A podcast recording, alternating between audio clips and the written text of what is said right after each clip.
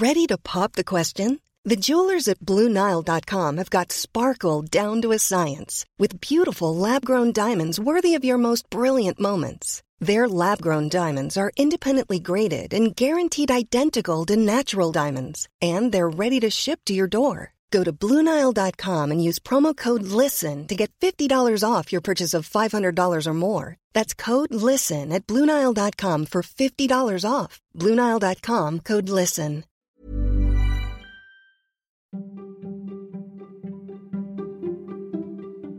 Välkommen till Nomofomo Daily. Det här är ju podden som ger dig trender och forskning som formar framtiden. Men även nyheter som du annars kanske aldrig hade fått reda på. Som att TV-kocken Anthony Bourdain inte åt fladdermussoppa i Wuhan strax innan sin död. Jag som DJ är internet åt dig heter Niklas Hermansson.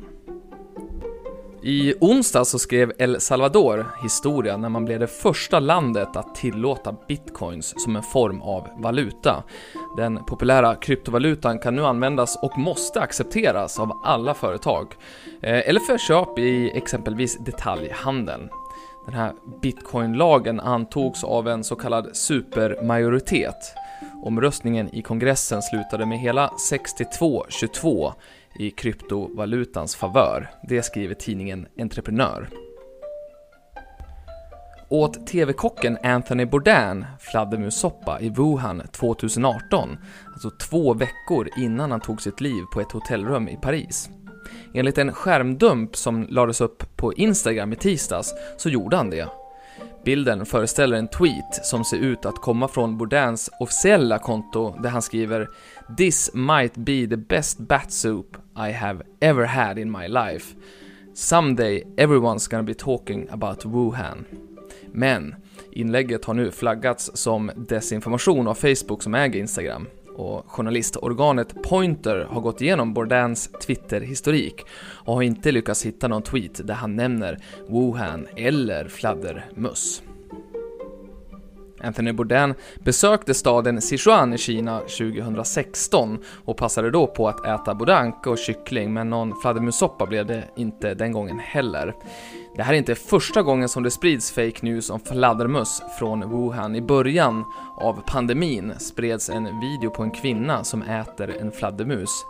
Den här videon uppgavs ha spelats in i Wuhan men det visade sig senare att det hade filmats i Palau i Mikronesien. Statistik från Kantar Sifo visar att allt fler onanerar mindre eller inte alls under pandemin.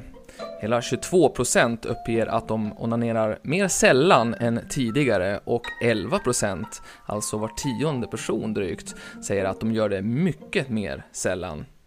Mest sex med sig själv har man tydligen i Göteborg.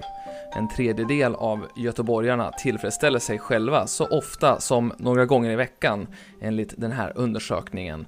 Enligt Aftonbladet så ligger Malmö på andra plats. Den här undersökningen gjordes på uppdrag av sexleksaksförsäljaren Lilo, som kanske blev lite förvånade över det här resultatet.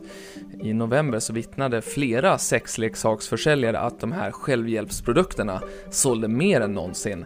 Det skriver Aftonbladet. Men en som inte är förvånad, det är ju sexologen Malin Drevstam i ett pressmeddelande så säger hon att en naturlig förklaring till den minskade onanin är att det är svårt att hitta plats och tid, då man får vara i fred nu när så många jobbar hemifrån. Och apropå onani så är Jeffrey Tobin tillbaka i rutan efter sin avstängning från CNN. Det var i höstas som den profilerade rättsanalytikern började onanera under ett Zoom-möte med kollegorna på tidningen New Yorker. Det hela hände under en paus när han trodde att kameran var avstängd, säger han själv. Men det var den ju inte. Eh, Tobin fick kicken från tidningen, men blev bara avstängd från CNN och igår var han alltså tillbaka och grillades då av nyhetsankaret Alison Camerota som fick honom att be om ursäkt även till tittarna. Och så lite mer nyheter om tv-serien Vänner eftersom det är omöjligt att få nog av den legendariska showen. Återföreningen blev ju till slut av efter att ha flyttats fram av pandemin och det är nog alla glada för. Skådisarna fick ju nästan 30 miljoner kronor var för att vara med och tittarsiffrorna är skyhöga världen över. Nu rapporterar sajten Advanced Television att återföreningen satte nytt rekord i Storbritannien. Programmet sändes på Sky One och lockade hela 5,3 miljoner tittare, vilket är den största publiken någonsin i kanalens historia. Återföreningen gjorde även succé på deras streamingplattform Now, där endast Game of Thrones har lockat fler tittare under det första dygnet. Och så kan jag rapportera att Netflix herravälde fortsätter att växa. På torsdag nästa vecka är det premiär för deras nya e-handelbutik Netflix Shop, där tittarna kan köpa prylar från sina favoritserier.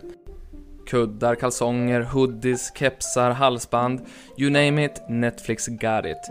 Eh, typ i alla fall. Från början kommer du bara att kunna köpa merch från en handfull olika serier i den här butiken som Netflix har byggt tillsammans med techbolaget Shopify.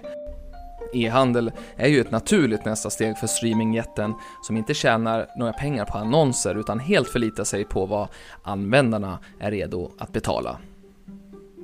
Slutligen så vill jag tipsa om det senaste avsnittet av podcasten Making Sense, där filosofen Sam Harris frågar en annan filosof, alltså Neil deGrasse Tyson. Slutligen så vill jag tipsa om senaste avsnittet av podden Making Sense, där filosofen Sam Harris frågar astrofysikern Neil deGrasse Tyson, ni vet han vetenskapens rockstjärna. Han frågar i alla fall om vi faktiskt är ensamma i universum med tanke på all medierapportering om UFOs den senaste tiden.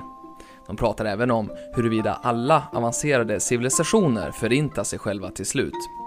Så klicka på din poddapp, sök efter Making Sense och så adderar du senaste avsnittet till helgens poddkö. Det var allt för idag. Hoppas att du får en magisk helg så hörs vi på måndag igen. No more fear of missing out.